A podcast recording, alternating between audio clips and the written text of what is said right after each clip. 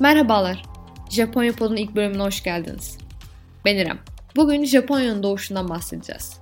Doğuşundan derken gerçek manasıyla Japonya'ya doğuran, can veren tanrılarımızdan yani Izanami ve Izanagi hakkında konuşacağız.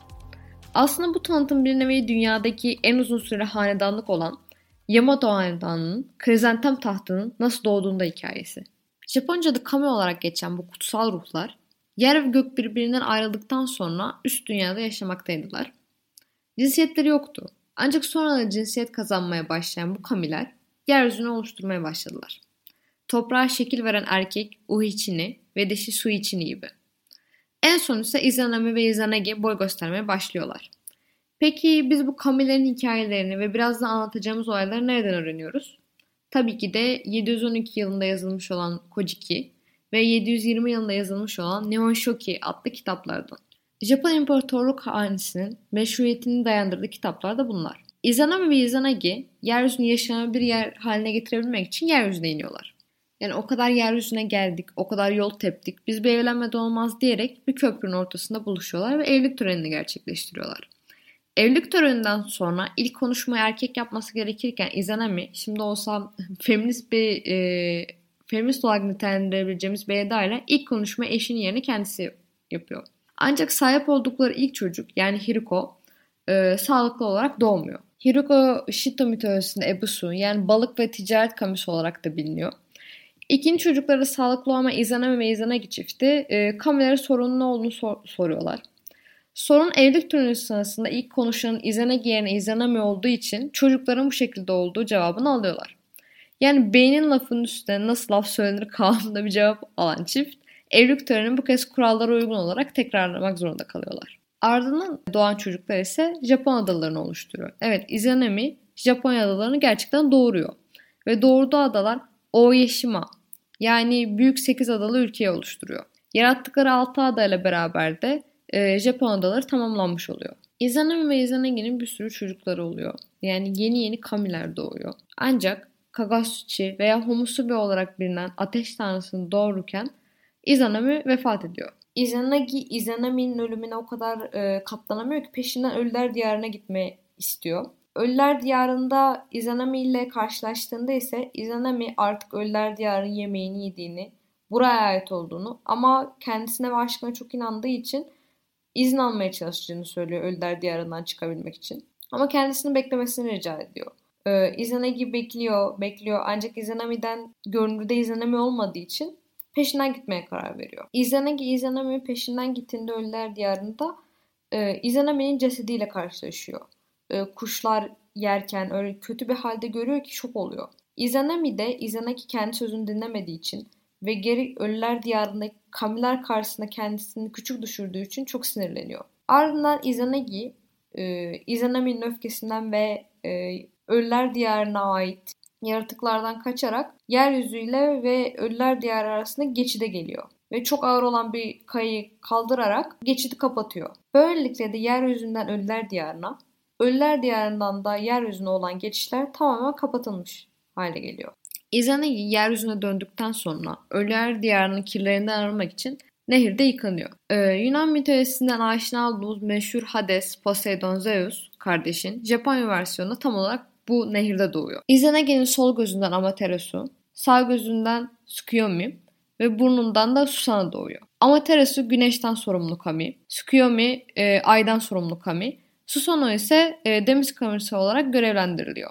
Yunan mitolojisindeki gibi aralarında kavgalar yaşanıyor. Hiç merak etmeyin. Kaos hala mitolojiye hakim. Ama maalesef henüz kardeş katli vacip olmadığı için sadece kavgayla ve entrikayla yetiniyorlar. Amaterasu torunu Ninigi yeryüzüne 3 kutsal hazineyle beraber gönderiyor. Kılıç Kusanagi, değerli bir taş parçası olan Yasakari no Magatama ve ayna Yato no Kagami. Bu üç parça şu anda Japon İmparatorluk hanesinin sembollerindendir. Ninigi yeryüzüne yani Japonya'ya indikten sonra Susanoo'nun kızıyla evlenip bu topraklarda hüküm sürmeye başlamıştır. Ee, Ninigi'nin torunlarından bir tanesi de Yamato Hanedanı'nın bilinen ilk imparator olarak kabul edilen Jimmu'dur. Nihonshoki ve Kojiki'ye göre Jimmu'dan sonra milattan e, önce 100. yıla kadar 9 tane imparator bulunmaktadır. Ancak e, bu imparatorlar bir nevi mitolojik figür olarak kabul edilmektedir. Ee, İmparatorun emriyle yazılmış olan Nihonshoki ve Kojiki için imparatorluk ailesinin ailesi tarihinin yazıya geçirilmiş, somutlaştırılmış haldir diyebiliriz. Resmi kayıtlara e, imparatorun yansıması ise ancak 6. yüzyılı yani 25. imparatoru bulmuştur. Şu anda Japon Anayasası'na göre imparatorun kadın olması yasak.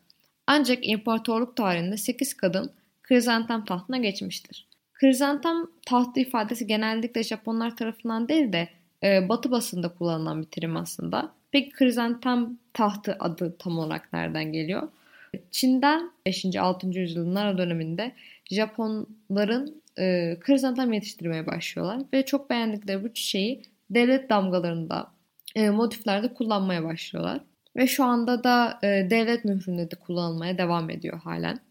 2006 yılında Koizumi Junichiro başbakanken e, genç bir erkek veliahtı olmaması nedeniyle e, kadınlar imparatorluk olup olmaması mecliste tartışma haline geliyor. Bu maddenin değiştirilmeli mi, değiştirmemeli mi, referanduma sunulmalı mı gibi.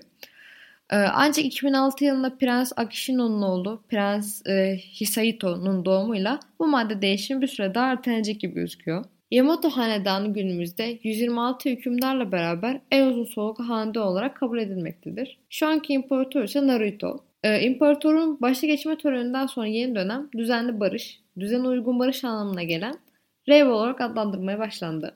Ee, Japonya hala gazetelerde ve resmi belgelerde dönem adlarına uygun takvim kullanıyor. Mesela şu anda Reiwa 3 yılındayız. Ee, 2018 yılı Heisei 30 yılıydı. Önceleri imparatorluğun yaşanan bir felaketin, e, depremin, kötü bir şeyin ardından uğur getirisinde dönemin adını değiştirmesi oldukça yaygınken yakın tarihlerde imparatorun başa gelme töreniyle beraber dönem adları değişmeye başlamıştır. Dönemler pozitif anlamlara sahip isimler vermek aslında bizdeki çocuğa isim vermekle aynı şey aslında. İsmin anlamına layık, uygun bir şekilde büyüsün. Yani bu dönem o şekilde geçirilsin e, anlamında konuluyor. Önceki imparator Akihito'nun devri Heisei yani barış, barış elde etmek anlamındaydı. 1989'dan beri devam etmekti Naruto'nun e, imparator, imparator olana kadar. Akihito'nun imparatorluk görevinden ayrılması ise oldukça şaşırtıcı olmuştu. Çünkü önceden e, imparatorun vefat etmeden görevden ayrılması gayet normalken bu Meiji döneminde yani 1868'den e, sonra yasaklanmıştı. Bu nedenle Hirohito yaklaşık son 200 yıldan beri görevden hala hayattayken feragat eden ilk imparatordu. Bu bölümün başından beri Yamato Hanedanı e, şudur, Yamato Hanedanı'nın mitolojik kökeni şudur, Yamato Hanedanı'nın şu anki imparatoru budur şeklinde konuşuyoruz. Ancak Yamato ismi tam olarak ne anlama geliyor bunun üzerine çok durmadık. Milattan sonraki Çin kaynaklarına baktığımızda Japonya'da Wakoku şeklinde bahsedildiğini görüyoruz. Ancak Wakoku'nun kanjilerine baktığımızda wa için kullanılan kanji e, küçük, cüce anlamında kullanılan bir kanji. Koku ise ülke anlamına geliyor. Yani küçük, cüce ülke. Ancak 5. ve 6. yüzyıla kadar yani Nara dönemine kadar Japonların kanjiye olan e, hakimiyeti bu kadar iyi olmadığı için cüce ülke kavramı onları o kadar rahatsız etmiyor. Ancak kanji bilgisinin de artmasıyla cüce ülke kavramından rahatsız olmaya başlıyor Japonlar. Ve onun üzerine biz yine Wakoku diyelim ama Wakoku'nun va'sı, va'sını kanjisini değiştirelim diyerek Yamato şu an dediğimiz Yamato e, kanjisini kullanmaya başlıyorlar. Aslında günümüzde barışçıl, sakin gibi olumlu anlamlar vermek için ve ikili kanjiler oluşturmak için kullanılan wa yani Yamato günümüzde dönemin adındaki yani Reiman'ın da va'sı. Ancak öncelerde kullanılan Yamato, Wakoku gibi ülke isimleri şu anda Japonya kendi için kullanmıyor. Japonlar kendi ülkelerinden bahsederken Nihon, Nippon e, ismini kullanmayı tercih ediyorlar. Nihon ise güneşin doğduğu yer anlamına gelmekte. Japon hanedanı zaten soylarını dayandırdıkları Güneş Kamis Amaterasu'dan kaynaklı güneşe ayrı bir önem atfediyorlar. Bir de üstüne Çin'in doğusunda yer alınca güneşin doğduğu ülke yani Nihon Çin kaynaklarında da kullanılmaya başlıyor. E bunun sonucunda da Nihon e, tabiri daha çok kabul görmeye başlıyor. İkili kanji, tekli kanji diyorum ancak bu bahsettiğim kanjiler tam olarak ne? E, Japonca sistemine değinmek gerekirse Japonca hiragana, katakana alfabelerinden ve kanjiden oluşan bir yazı sistemi. Al, sadece alfabeden oluşmuyor yani. Öğrenmesi de bu yüzden biraz daha zor oluyor. Üç bölümden oluşuyor. Kanji aslında Japonya Çin'den geliyor 4. yılın, 4. E, yüzyılın sonuna doğru. Çinlerin de kanji 3300 yıl kadar önce yani Yin Hanedan döneminde buldukları düşünülüyor. Günümüzde Japonların kanji dediği şeye Çinler hanzi derken Koreliler hanca diyorlar. Bu açıdan Japonca'da, Çince'de, Korece'de yüzyıllar öncesinden birbirini besleyen üç dil olarak e, düşünebiliriz. Kanji dediğimiz şey ise mesela benim bölünme yabancı arkadaşlarım görünce hierogliflere benzettiği kanjilerin bazıları temsil ettiği şekillere benzetilebilirken kimisi daha çok sembolik anlamlar taşıyor. Mesela göz kancisi dediğimiz e, yani dikdörtgenin ortasında bir çizgi olan işaret kanji göze benzetilebiliyor. Ama her kancide aynı tekniği uygulayamıyoruz. Alfabelerden biri olarak bahsettiğimiz hiragana ise kanjilerin Japonca okunuşlarını alfabetik olarak yazabilmek için yani bir sistematik, sistematikleştirebilmek için gramatik eklerde kullanılıyor genel olarak. E, kanjilerin bir de onyami ve kunyami olarak iki okunuşları bulunuyor. E, kunyami ile okunuşları Haz Japonca okunuşlarını temsil ederken onyami dediğimiz okunuşları ise ikili kanji oluştururken yani çoğunlukla Çin'den gelen Çin kökenli kanjilerin okunuşlarında kullanılıyor. Biliyorum anlatırken çok karışık gelen e, bu kanji aslında bir nimet. Aynı şekilde okunabilecek o kadar çok kanji var ki sadece yazılışını gördüğünüzde e, bir anlam ifade etmekte zorlanabiliyorsunuz. İkinci alfabemiz ise katakana. Katakana Japonların günlük hayatta kullandıkları yabancı kökenli kelimelerin yazılışı için kullanılıyor. E, havuz olan pool, pool oluyor. Tabi Japonlar bunu da kendi istedikleri gibi yorumlayıp gülmeyi de eğlenmeyi de ihmal etmiyorlar bence. Katakana ile yazılan ama ilk okuyunca İngilizcesini çağrıştırmayan bir sürü kelime de karşınıza çıkabiliyor. Power harassment, pavahara oluyor.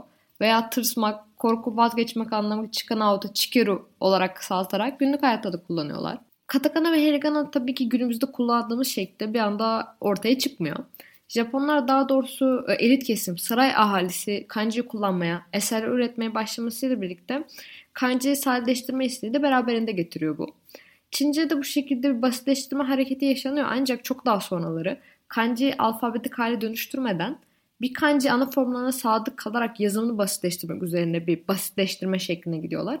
Japonlar ise daha çok e, günlük hayatlarını res- veya resmi e, belgelerin notların alımında hayatlarını kolaylaştırmak için böyle bir e, sadeleştirmeye gitmeyi tercih ediyorlar. Kanjileri parçalayarak hiragana ve katana, katakana'yı oluşturuyorlar. Bu oluşturma aslında manyosh'un üstünde çalışılmasıyla başlıyor bir nevi. Manyosh dediğimiz şey ise 8. yüzyılda ortaya çıkan bir şiir derlemesi. Sarayın emriyle böyle bir derleme toplanıyor. Katakana ilk başta erkekler tarafından devlet işlerinde resmi notlarının tutulmasında kullanılıyor.